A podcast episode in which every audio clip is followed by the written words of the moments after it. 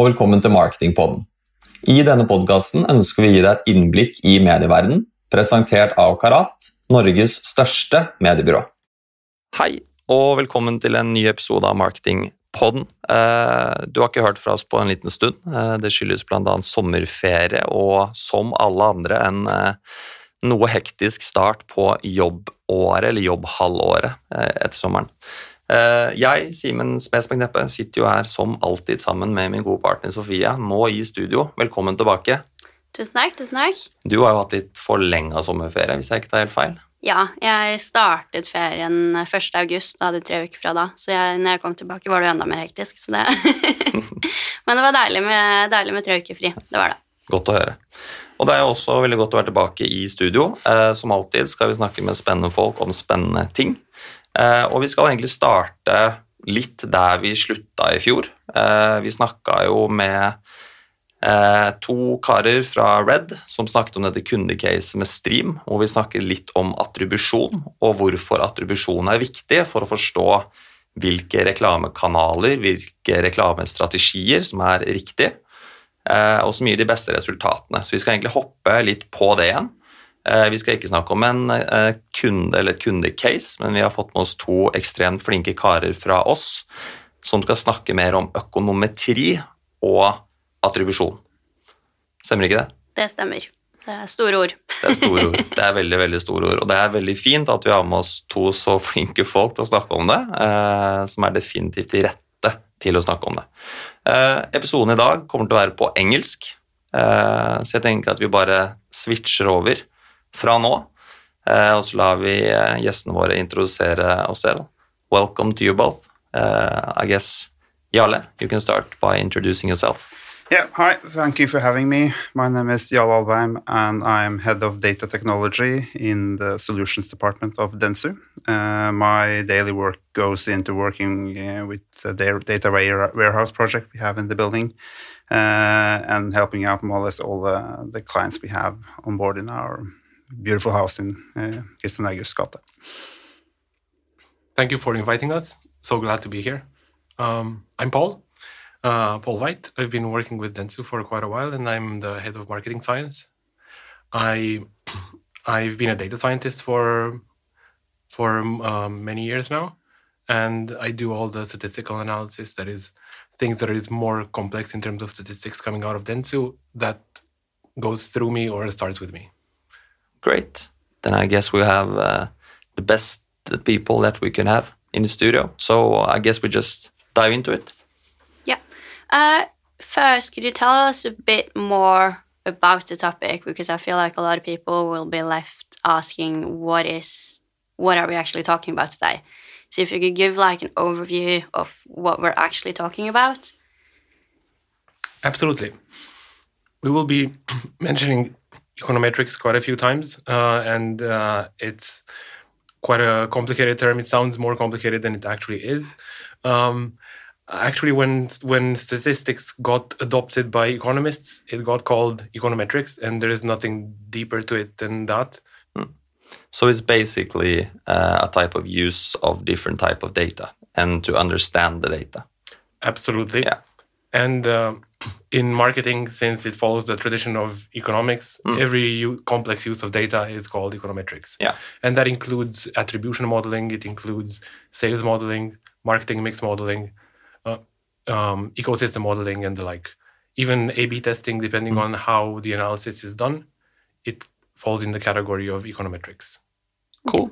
Then I think we got that right in the start. So, uh, for the first for the first question or the second question. So, uh, data is a big thing. Uh, it's maybe the biggest thing that we talk about the last two, three, four, five years, uh, and it will become more uh, important in the time coming. So, what does data mean for Dentsu? Well, data is, uh, I think, is actually the core of everything we do in this company. Uh, many things, I think, quite a few doesn't think of what they do is that is, is data, but it actually is. Uh, and we, I think, we every one of us works thousands of hours in total uh, regarding processing data in some sort. Uh, for a typical marketer, I guess they are, uh, rely on it when they do marketing every day. For instance, setting up Facebook audiences, uh, setting up retargeting ads, uh, looking at sessions or conversions in Google Analytics. There's tons of ways to use data, but the, the biggest issue here is that we are none of us are probably good enough to use, use it systematically or join it or work with it in a more systematic way, like econometrics will do. Mm.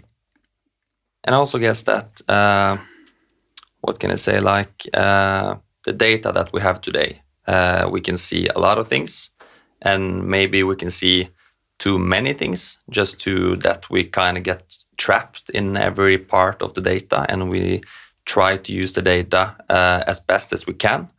But uh, the things that we look at, are there necessarily uh, the, the correct things to look at, or do we need to look uh, in some other way uh, to do the marketing or uh, to do the type of evaluations in the best way? There is so much data that is being collected, and everything that we do leaves the data trace.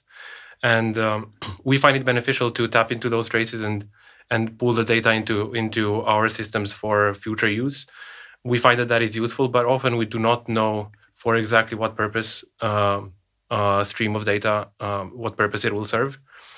So, um, and oftentimes we we go down the wrong path, um, um believing that there is the signal in this direction in this data stream, and then we find out that that is not the way. And of course, this requires a lot of a lot of um, a lot of education and figuring things out as uh, the world keeps changing, the world of data keeps changing, the world of marketing keeps changing, mm. and um, the and these are challenges that we that we that we're facing on on a daily basis. I think econometrics goes a long way, um, finding what is relevant from the mass of data that is just noise. Mm. Yeah. So it sounds like infrastructure on the data is really important. Um, how is this now compared to just a couple of years ago? It's actually quite different. Uh, I think the marketers out there still remember how it was in the old days, where you um, used easily a half year of uh, collecting data and then sending it to Denmark for doing a sales modeling, uh, and then getting back long after that and realized that that the, even you used too long time on, on it, and when you got the effect of it, it was uh, already obsolete. So the big difference here now is actually that uh, the infrastructure part has been much more become much more cheaper. Uh, of course, as we as everyone else is using cloud uh, services to store the data, which is much much cheaper the speed of it. We can model quite fast. We actually can do more or less um, uh, weekly or monthly based uh, modeling instead of this kind of year or half year modeling that we had before. And the price of it has got tremendously down. So you, it costs you much less uh, than it did before. And I also think that's opens up the opportunity that quite a few companies that um, had felt that this was out of reach uh, a couple of years ago. Now it's uh, actually feasible for a much much lower price. Mm. And uh, can you talk more about uh, what exactly uh, can we do now that we couldn't do before?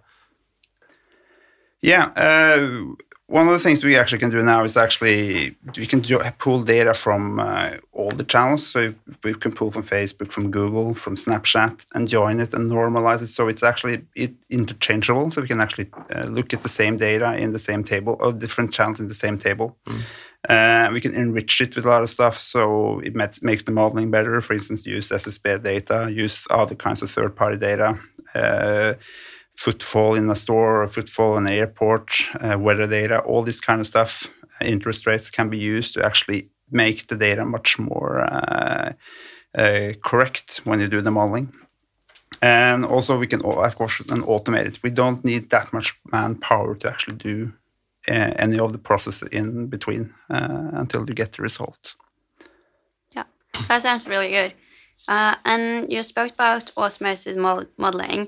What's the difference between uh, classical analysis and automated modeling in practice? There is one significant difference, which is in line with everything that Jarle just described. It is the data collection effort is reduced massively. So instead of having to collect data from Facebook collect data from TV, collect data from uh, radio, all of them from different uh, platforms, and all of them in different formats that have to be harmonized in a way that can be joined together. Instead of having to do all that effort for every modeling exercise, we collect that data, it streams through APIs into our data warehouse, where it's ready for use, it's ready for modeling. So then the time it takes from the moment when a client has a question until the client gets the answer to that question is much, much reduced. And the cost of it implicitly as well. Yeah. I guess uh, with the technology that we have uh, and the data that we have uh, and the demand from our clients, uh, what are you guys uh, experiencing the most now uh, that the clients are kind of asking us or asking you guys to do for them? what is the what can I say number one product from your guys now? From the modeling point of view, yeah, the the top request is some replacement for what um, um, GA was providing before. Mm. So basically, try to find um, live measurement of the effect of every single investment that they make in, in media. And this is a very very high bar. So this is this is not easy to do, but we we are we are almost there. I would say. Mm. And that is thanks to the data infrastructure that we have, yeah. and thanks to the possibilities of add, adding a modeling layer on top of the data. Yeah. And this is a holistic approach? This is a more holistic approach than what we've seen before. Yeah. Because what we see in Google's platform or on Facebook's uh, offering in terms of um, attribution and um, marketing mix modeling, the control variables that go into those models are much fewer. There's so those models do not take into account a lot of um, information that is relevant for sales um, that is not strictly Facebook or not strictly Google. So, in that sense, we're taking into account all the possible things that affect sales, and at the end of the day, we can we can have an estimate for the individual impact of every single investment on sales. Mm. I guess uh, just to start to wrap things a bit up, um, where do you think this type of approach is heading in the future? So, do you think this will be a kind of solution that every of uh, that every of our clients can use, or just a small portion of our clients, depending on the data they're uh, actually having? Looking at several years into the future, two, three, four years, I would think that every client of ours will need this kind of a solution. Mm. We will not have alternatives that are that are good enough so and if and if your your competitor is already using data insights from this kind of uh, this kind of an approach, then you can't afford to stay off the wagon. No. Yeah. And what what would clients need to do to start this pro process? I think the most important thing is actually starting to uh, collect data. Uh, start uh, because there's one important thing to know that quite a, many of the marketing systems used today have limitations on how much history you can pull out of them. So, for instance, Google has usually two years of historical limit. Facebook at 37 months, and a good model uh, from Paul's team would easily need three years of data, and then you have a, you have an issue. So we have quite a few cases where a client uh, has been hesitant for a while. They come us come to us and discuss it. Well, now we I think it's the time for doing it. And then they, we really realize, okay, we could if if you had started collecting data a year ago, we would be good now. But mm. since we don't, we have to make a kind of intermediate model or something that is not fully good before in, in, a year due to the limitations. So I think that's also quite important. Uh, and I also think you have to do something with the mentality of people because uh, you know it as well since you were working with clients as well that uh, we still are rely relying on um, PowerPoint reports, manual reports uh, that we should give gives you kind of a post campaign uh, definition of what happened or not. Uh, but the problem is that uh, you, if it, with that kind of reporting, you don't have any way to actually um, to do any changes during the campaign. And the post report just says says that well, uh, did, did, this did go good or did it go bad? Uh, but so that's why we have to look more and more into things that can show you more uh, on day to day or weekly basis during the campaign what you can do to do a better uh, result. Uh, we see that also with so th this for a couple of years now there has been hyped a lot around dashboards, building a dashboard instead of using a PowerPoint report. Uh, in my opinion, that's um, in many ways uh, uh, it's a, it's a side road uh, so that you shouldn't go onto because it doesn't do anything more. It doesn't give you any tools to decision, do any changes during the campaign. That I think in the future with the cookie that we have right now, the only thing that's going to help you on that is uh, using modeling to do that kind of changes. Mm. Cool. I think that's uh, all that we uh, have the time for today. Uh, I think we can deep dive into this uh, for hours and hours if you just keep uh, on the talk. But um, before we started recording, uh, you mentioned that you were going to read uh, or uh, to write an article about this. Yes, uh, we're uh, alongside with this podcast. We think we're going to write up articles, and we will be available in several places. So um, feel free to read that more mm. more in depth about this topic in that article. Cool then uh, you all know where to find more information about this. And uh, if that if that uh, if that isn't enough, uh, you can always reach out to to Jarle and uh, to you also, Paul. And thank you for coming here today and to share your knowledge about this subject. Thank, thank you. you. Cool. Thank you. Thanks. Bye. Bye. Bye.